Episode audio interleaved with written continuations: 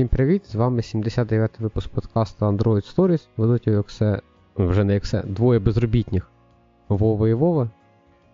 Ми будемо говорити про пошук роботи, зарплати, огляд ринку IT України літо 2023, як говорить заголовок надовго. Сьогодні випуск про все погане, коротше кажучи. Так що все погано. Десь я відкриваю статтю, перший перший ключовий момент. Медіана зарплата розробників в Україні вже рік практично не змінюється. Ну, да, але у сеньорів вони зменшились на 100 доларів. Здається, я погану вилку виставив е, людям, які шукають зараз цей. Я скинув більше 100 баксів. Е, Ну, да, насправді, е, це, я, я, чесно кажучи, коли подивився е, оцю статтю на Доу про зарплати, е, я здивувався. Я ще, на відміну від Вови, е, не намагався повертатися в е, ринок е, наш і знаходити роботу, тому у мене трохи менше, ну точніше, у мене на даний момент взагалі відсутнє е, практичне е, розуміння е, того, в, якій ситуації ринок від е, доторкання до нього. Е, але в мене були враження чисто по тому, як я наблюдав за вакансіями деколи, як, як їх кількість зменшувалася, які я бачив там вилки, які оголошували що ситуація погірша буде з зарплатами. Але на даний момент так в середньому виглядає, що у сеньорів мінус 100, а в, осталь... в порівнянні з груднем 2022 року. А у всіх остальних е, плюс-мінус все як було. Е, навіть у тех лідів, тім лідів на 56 доларів зарплата середня підвищила. Я тут е, цей зразу скажу, раз ми тут двоє безробітних, то зараз поставте на паузу, зайдіть на наш Patreon і закиньте нам 2 долари в місяць. Можливо, ми так протягнемо трошки довше. І для тих, хто так зробить, там вже є випуск, який, де я годину розказував, як я проходив співбесіди в різні компанії. А, Окей, у мене тут зразу є ще один ключовий момент, який тут пишуть. Е, Тут Київ повернувся на перше місце за рівнем зарплат розробників, але це таке, ну, типу, це було очевидно, що він рано чи пізно вернеться. Всім, хто розказує, що є якісь інші IT столиці, Е, sorry, ну це просто на, на фоні того, що в місті іншого нічого нема, ви розказуєте, що ви IT столиця. Це я Львову привіт, напевне, передам.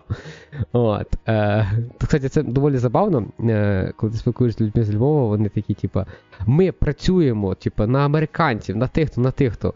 І, і я в цей момент їх підложую і кажу, хлопці, в цьому є різниця. В Києві говорять, ми працюємо з, а ви говорите, ви працюєте на. От. Uh, і, і тут ця проблема з на і іншими словами. Не, ну, типу, знаєш, ну все-таки більшість міжнародних компаній відкриваються в столицях, чомусь так сталося.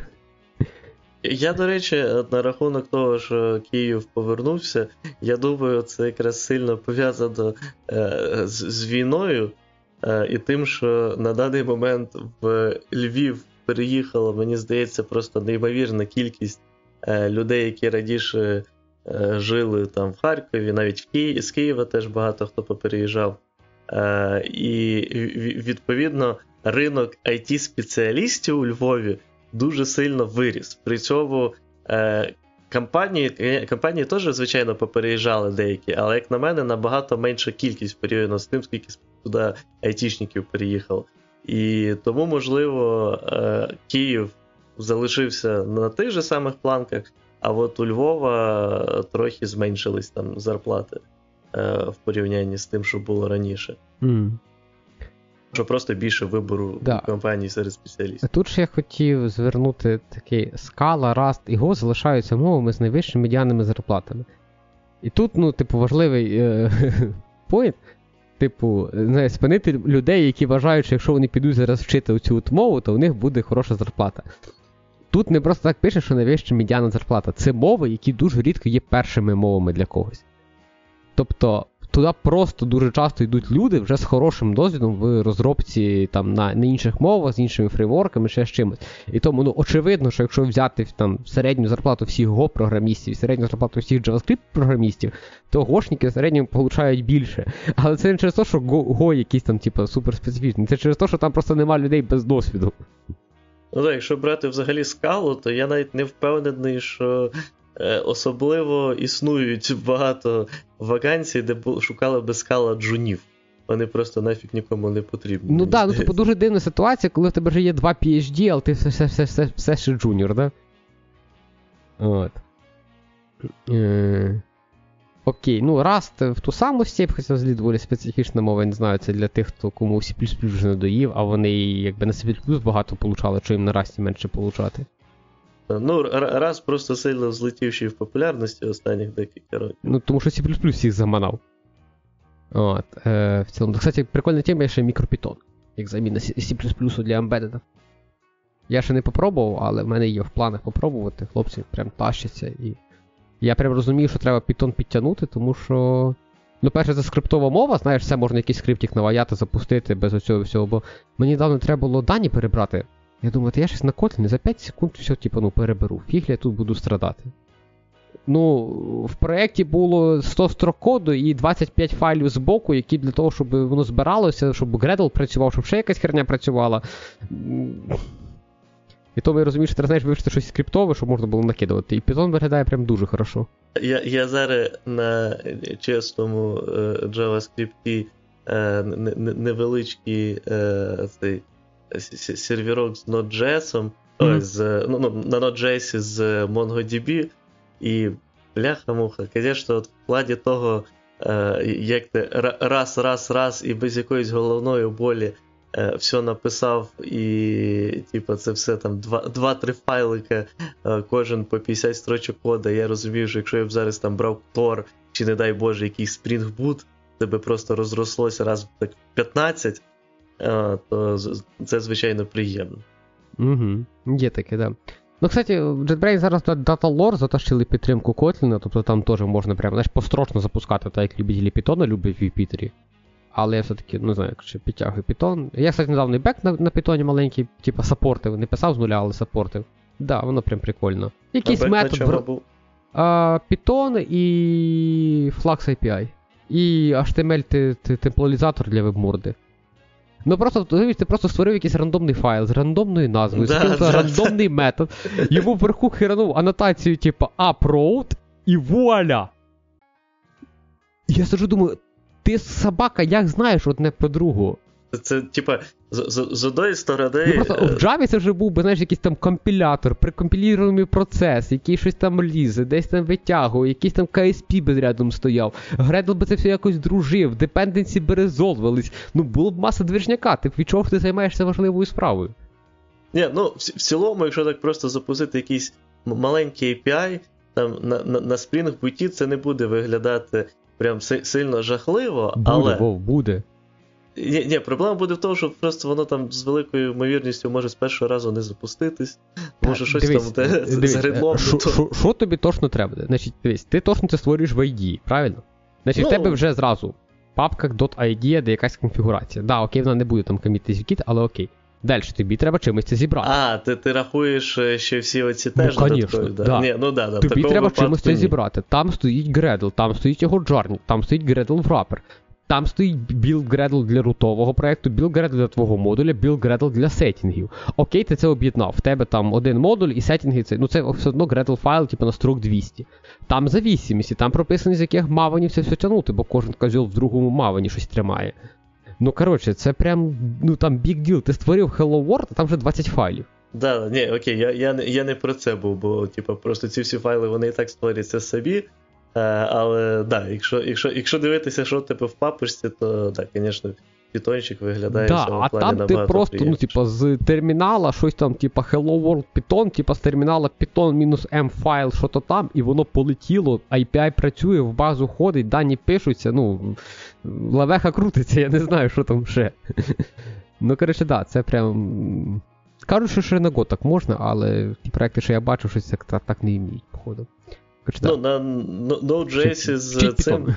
Там, по суті, вся та ж сама фігня, ну єдине, що тобі там е, цю папочку е, Node Model створить, куди воно буде їх зберігати. Mm-hmm. Але вона якби ну, потрібна лише вже, коли ти хочеш щось е, збілдити і викачується окремо NPM.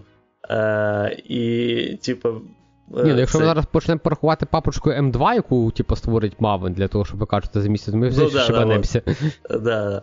Е, От, а так ти створив собі файл, фай, файличок, да? якщо хочеш щось по швидкому стартаду, ти підключив експрес. Е, хочеш е, за 5 хвилин зробити собі е, логін реєстрацію через Google, підключив паспорт, і у тебе, по суті, є е, цей півтора файліка, тому що на два воно навіть не тяне. Е, пі- підняти сервіс з е, логіном через Google, е, який прекрасно працює. Угу. Е, окей. В тебе щось є ще по ключових моментах?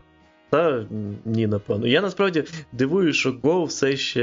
е, Оце, що ми говорили про Scala Rust Go. Мені здається, Go вже ну, останніх два роки стає більш-менш звичайною мовою для, для, для звичайних людей. І чому вона до сих пір не, тримається не так в високо? Україні. Ну, sorry, я типу не хочу нікого це обідити, але Україна це ринок аутсорсу. Е, аутсорс буде максимально продавати тих розробників, які в них є. Ну, типу, ну представ, ти сидиш, ти там EPAM.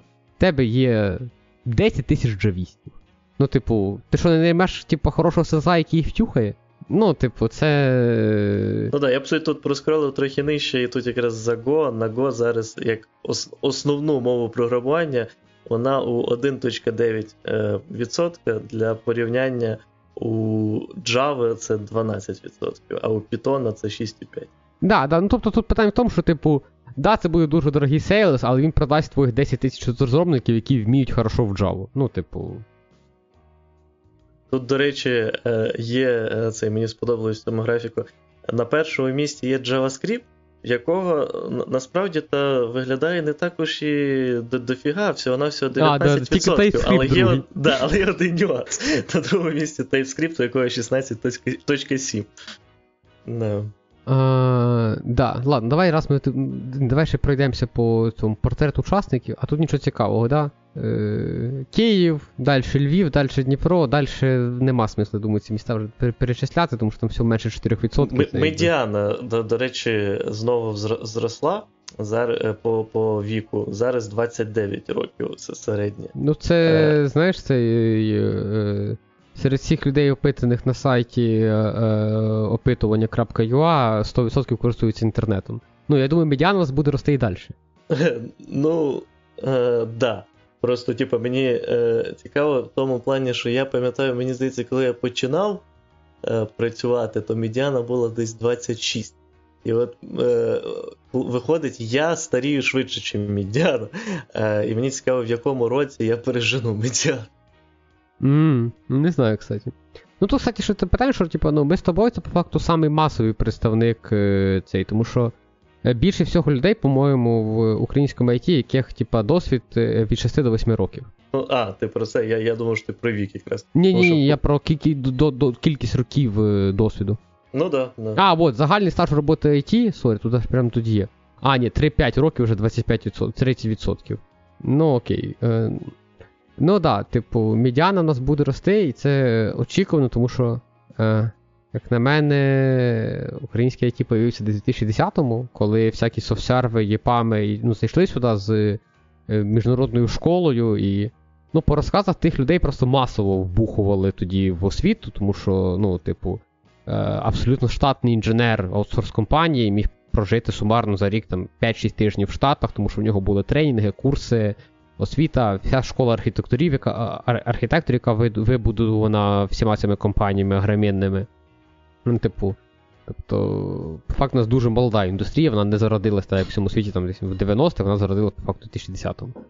Е, Це, кстати, мій хороший аргумент про людей, типу, ти сказав, що говоримо про освіту, які розказують, що у нас хороші програмісти, бо така офігенна освіта. Я кажу, ні, така офігенна освіта тут останні 50 років, а що всі галі все підняли в 2010-му. От, до речі, по віку ще я помітив цікаву фігню, там, там уже трохи сумно, воно так виглядає, що на, на, найбільш е, цей популярний вік на даний момент це 25. Його ми вже пройшли. Так він наступний рік здвинеться на 26 був. Так мій ми на наступ, наступного року здвинемось. Бля, В цьому та й проблема. жесть, ні, це не підходить там. Окей, а, ладно, давай дійсно по мовах програмування. О, тут навіть можна потикати бекенд, мобайл. Що там? О, Mobile Flutter є всіх як стоячих. А, ну Це, типу, от прям там саме де міста, там внизу є, типу, мова програмування, там можна попереключати. Ось там є основна мова програмування, додаткова мова програмування.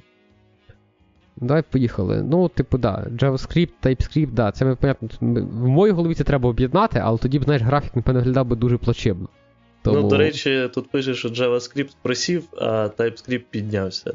Е, кожен на. А, ні, TypeScript, до речі, JavaScript просів на 2%, а TypeScript піднявся лише на 1%. Тому десь хтось загубився. Угу. .NET, кстати, я радий, що .NET Java випереджає стабільно. Набагато приємніша фігня. Ну, це вона випереджає, мені здається, в в Україні, а, а не у світі. Uh... Та ні, мені здається, просто, типу, взагалі політика Microsoft правильно, в правильну сторону йде, і .NET стає більше і більше. Ну, але, до речі, е, до до Java, якщо додати ще скалу. Ну, да, але тут же ж, ну, знаєш, це типа. А, да, .NET і ASP.NET вони разом взяли, да? Да, ну ладно, це і окей.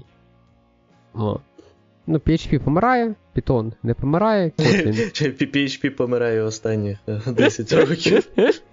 Тільки щось померти не може. Ага. Е, Kotlin росте, C. Ну, коротше, не знаю, типу, знаєш, після Kotlin, мені здається, вже нема смисла. Типу, та й Kotlin, типу, 3,6% це явно, типу. Знаєш, це на уровні з. Чим? Ні з чим не на уровні, типу там C.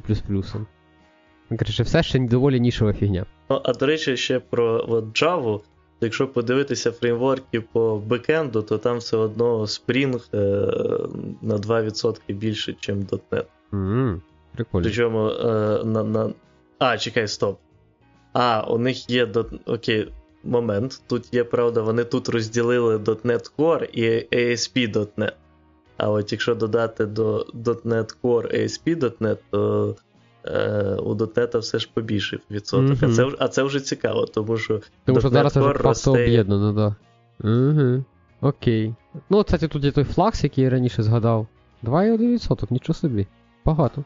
Я думаю, ця штука менше має, вона не виглядає мені як щось для великих систем. Ну, і для production систем. Це кажучи, взагалі трохи цікаво в цих бекендовських фреймворках. По-перше, то, що вони Node.js і Express розділили. Е, ну, типа, Експрес без Node.js, по ідеї, не існує. Е, Ну ладно. Е, І ще я не розумію, чому в бекенд засунути React.js, е, jQuery, AngularJS, Vue.js. В якому плані це все зв'язано хоч якось з бекендом? Ruby on Rails. Ні, це зв'язано. Vue, Vue. Да, согласен. Це що то. Із-за того, що на на, на бекенті може зберігатися цей е, е, UI, яку да, яка в базі даних від JavaScript. HTML, красиво було би. Ні, вони бачу, в фронтенді теж всі є. Ну, коротше, дивна штука. Мені цікаво, що якщо тикнути на вкладку Mobile, то там Flutter просто всіх як стоячих. Так, да, це, це цікаво з, з одної сторони. З другої сторони, я взагалі не розумію Mobile, тому що ну, тут нема Android. І iOS. Ні, iOS є. iOS є, але він розділений на два куска: на SwiftUI і на UIKit. Чомусь. В чому логіка, я не знаю. SwiftUI це, типу, як у нас є Jetpack Compose, от у у, да. цього, у iOS є SwiftUI, а UIKit це як наш е, старий добрий спосіб. Е, XML не кидати. Ну, не обов'язково XML, але да, типу, от старі в'юшки, старий фреймворк. Да його щось тут розділити. При цьому е, при цьому Kotlin мультиплатформа тут і є, і вона 0.6%. Це теж якось багато на фоні того, що SwiftUI UIKit 0.4. Очень дивно. Ну ладно, давай сей далі. Тут що тут графік якийсь з медіанами, але я. Та, так, чекай, тут мобайл, я лише тепер пам'ятаю. Тут в мобайлі Node.js теж є. Node.js всюди є. Node.js має бути всюди. Давай перевіримо. Да, Node.js є всюди, це хорошо. Все нормально. Ні, в фронтенд. А, ні, є на JS фронтенд, окей. Ладно, не, не, не зрозуміло. Е, коротше, медіана, я так поняв, висновок глобально не міняється, по містах, я думаю, це нікому не цікаво. Ну так, да, зараз, до речі, типа, блін, який відсоток взагалі е, цих вакансій залишається, за, е, які не підтримують дистанції? Ну, типа, да. Типа, я я знаю, що у світі на даний момент починається зворотній процес, і дистанційка трохи втрачає свої позиції, але все одно це поки що досить малий, по-моєму, процес. І друге, для України він не настільки актуальний, тому що у нас війна. Угу. І тут ще, ну, блін, я не знаю, я не хочу якось піддавати знаєш, сумніву, типу, менеджерські скили е, там, компаній. Але мені здається, що коли Apple або Google виходить з е, меседжем, що ми бачимо, що ви в офісі ефективніші, це не від того, що там, знаєш, там герої менеджера, які типу, не вміють щось, типу, ну, нормально ефективність читати. А а коли в Україні виходять і розказують, що вам треба в офіс, то в мене перша думка, що це херові менеджера, які не вміють нормально, типу, ну, ефективність людей читати. І, ну, згадуючи там доковідні історії про те, які це офіси, там, якби, знаєш, є, є смисл якийсь. І там це. Замітив прикольну штуку, це не, не я це підмітив, але прочитав в твіттерах. Що, мол, я правильно розумію, що е, Google вклав масу бабла в офіси, потім почався ковід, всі інженери пішли додому, Google дав грошей кожному інженеру, щоб він зробив собі місце вдома, і тепер ці інженери не хочуть вертатися в офіс. От мені, от дивись, ще до речі, Е, з такими компаніями, як Google, коли вони кажуть, типу, давайте повертатися в офіс. Я думаю, у Google ще може бути така статистика, е, що інженери починають гірше працювати за, через певний час. Тобто на початку може там навіть збільшуватись продуктивність, а потім погіршуватись. Знаєш чому?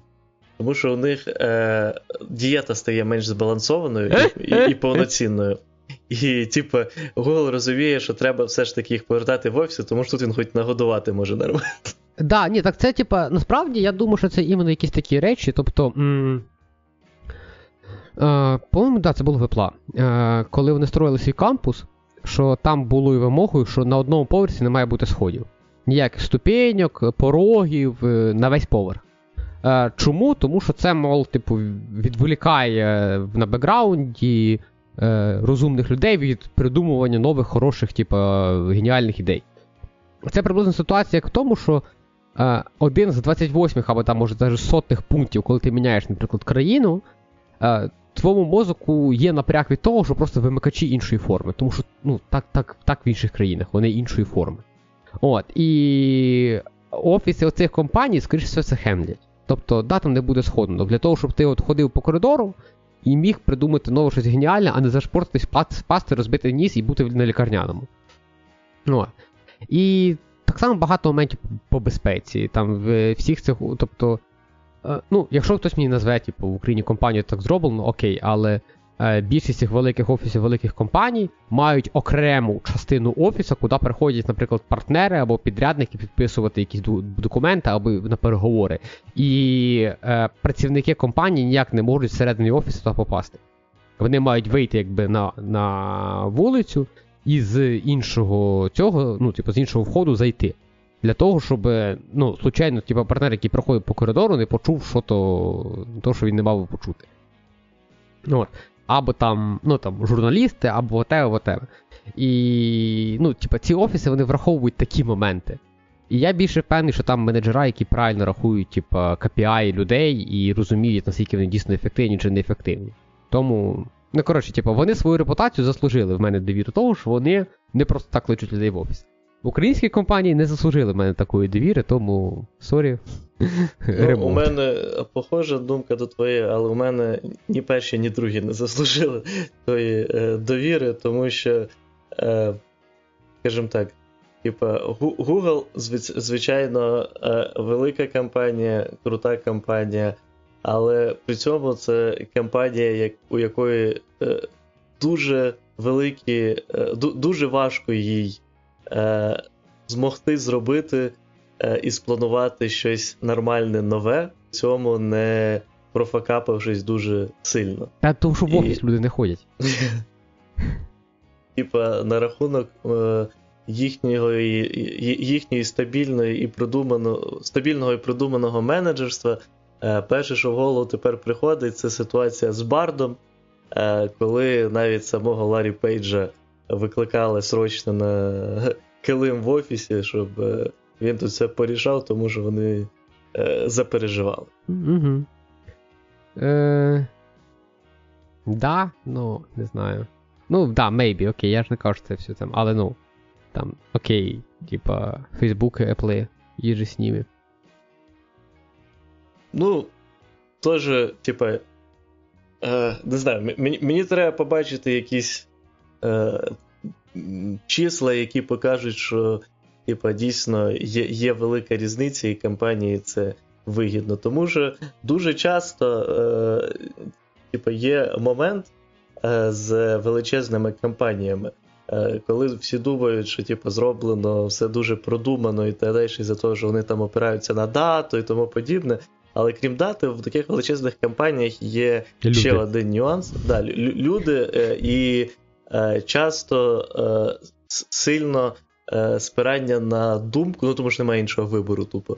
Е, на на думку е, інвесторів, шерхолдерів і от тому подібних людей, які угу. часто можуть реагувати позитивно на неправильні рішення і негативно на правильні рішення.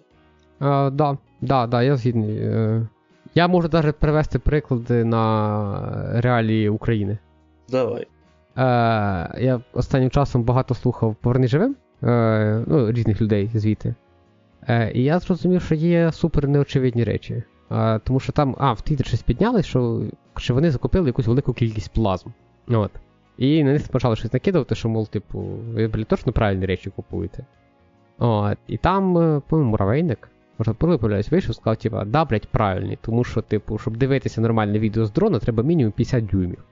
Іначе, типа, ти ніхера не побачиш ні позицію, ні куди ти стріляєш, нічого. Тому що, типа, має сидіти троє людей і нормально все бачити. От. І знаєш, якісь, типа, ну. Коли ти не в контексті, це якісь неочевидні речі, які ти, типа, ну, не замічаєш. А тут під плазмою мається на увазі реально плазма чи просто великий великочіповий телевізор? Бо мене більше цікавить, типу, чому саме плазму купляти, а не. Е, ну. Я. Е, ні, тут мається на увазі, типа, що 50 дюймів.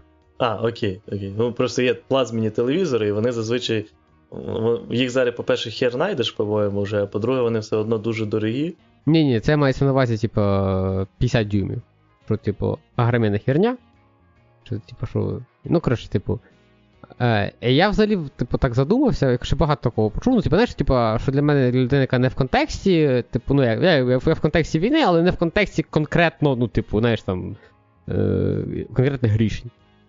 Е, що, мене перше зацікавило, тому що допомагав знайомим знайомим, типу, купити провода для старлінків. Тому що, кажеться, вони це, типу, розходник. От. Е, що, типу, реально, бляха-муха, весь золота люди, які можуть сказати, типу, блін, ні, да, я розумію, що це не популярно, але, типу, це отак от працює, це треба. Типу, всі закрили пики, типу, робимо отак. От, і знаєш, це порушення якогось статусу кво, типу, мені здається, що типу, в любій точці світу з ним проблеми. Так, ну і тут е, в цьому.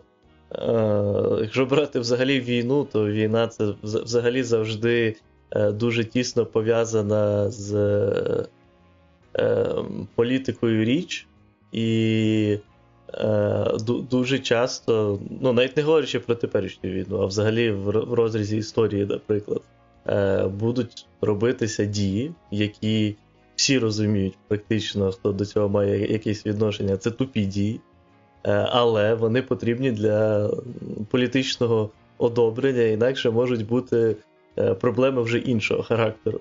От, Або навпаки, не робити якісь дії, які, можливо, були б нормальні, за те, що це буде е, ну, політичне самовбивство на той момент.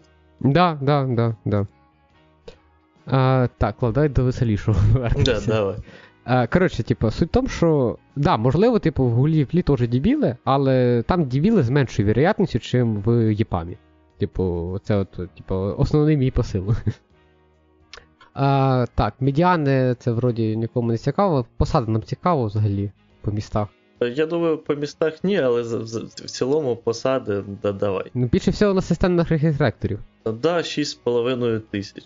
В цілому. Це не, зарплата, Вова, не кількість. Я, я, я, я говорю про зарплату. А, а, а ти про що? Ну, я, я просто сказав, в цілому 6,5 тисяч, а такий, типу, ну, ти що типу, їх. Е, типу. А, блін, все, йоп пересете, согласен, окей. Так, да, ну... Середня їх зарплата 6,5 тисяч. Е, Чо?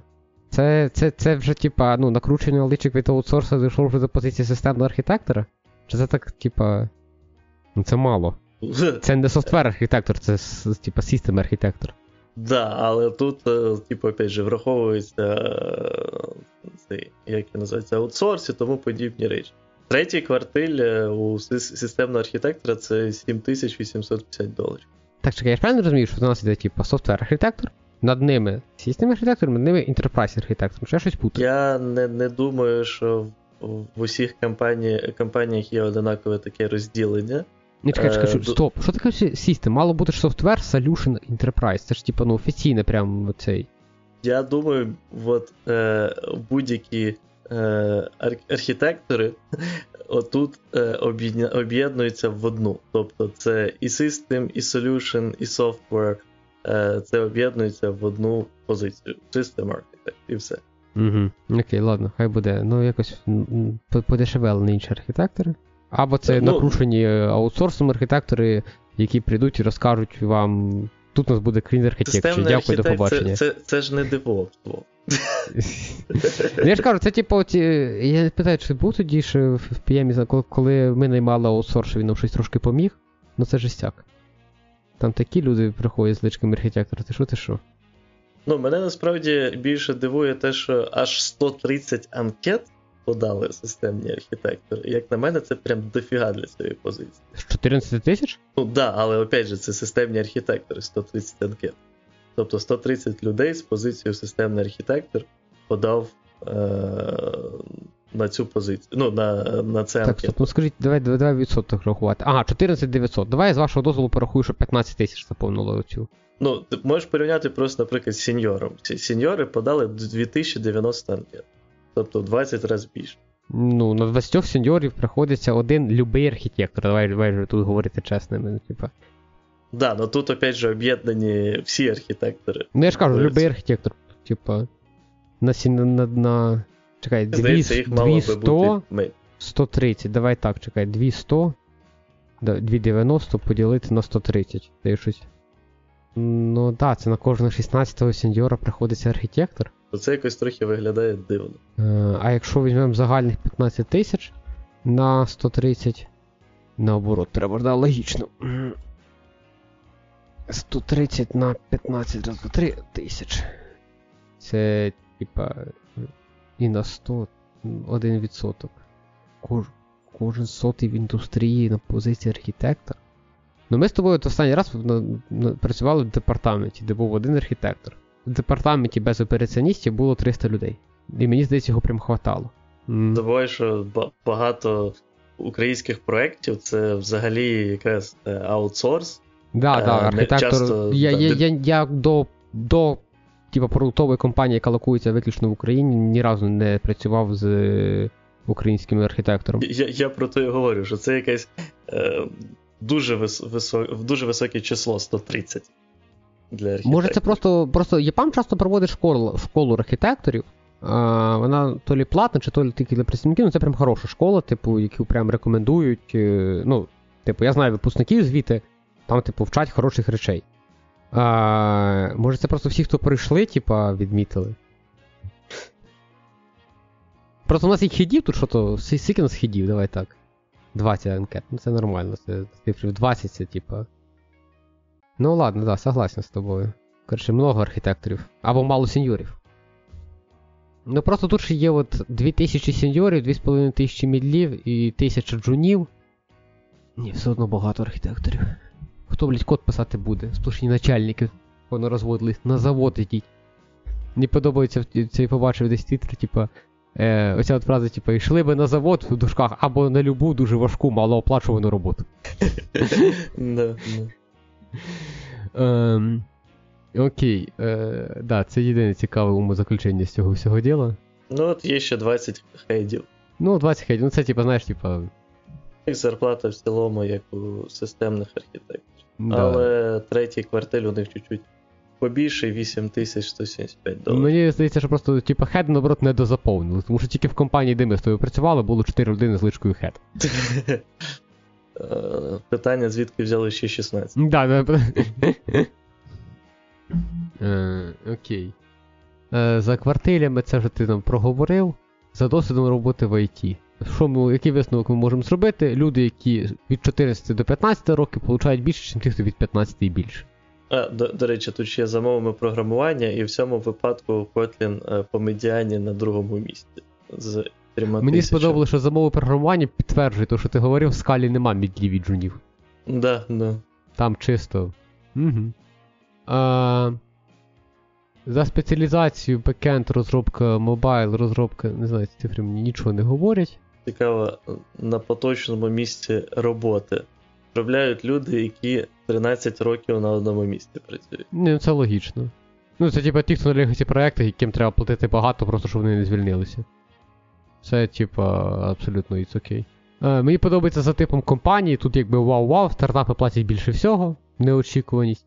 Outstaff далі, продуктова на рівні з аутстафом, причому прям один в один збігається. Треба продуктовим 50 баксів накинути, ну, щоб Е. Аутсорс то саме, що outstaff і продуктово тільки відніміть їхню комісію. От, е, і в цілому все. Інший фріланс, е, не знаю, фріланс тут 46 анкет, я не думаю, що це щось репрезентативне. Е, Динаміка зарплат за мовою програмування. Давай подивимося, не знаю, на Kotlin. Тут всього багато, я впевнений, що. В цілому все росте. Не міняйте мову Ну да, на. Kotlin все непогано. Плюс 38 доларів за півроку. Непоганий перегляд. Да, це було. Так. Е... А от, до речі, у Джунів середня зарплата впала аж на 150, 150 доларів. Ну це щоб цей сеньорам по, по, по 38 пороздавати. Е, А, ну, до речі, у Мідлів на 100, у сеньорів на 38, разом 138. От, е, у Джунів мінус 150, 12 доларів в карман людині, яка придумала цей схему, да? зарплату та жунам, і нормально. Е, мені подобається далі йде англійська, і цей, а тих, тут цитата, а тих, хто оцінює його як інтермедіат чи преінтермедіат, стає менше.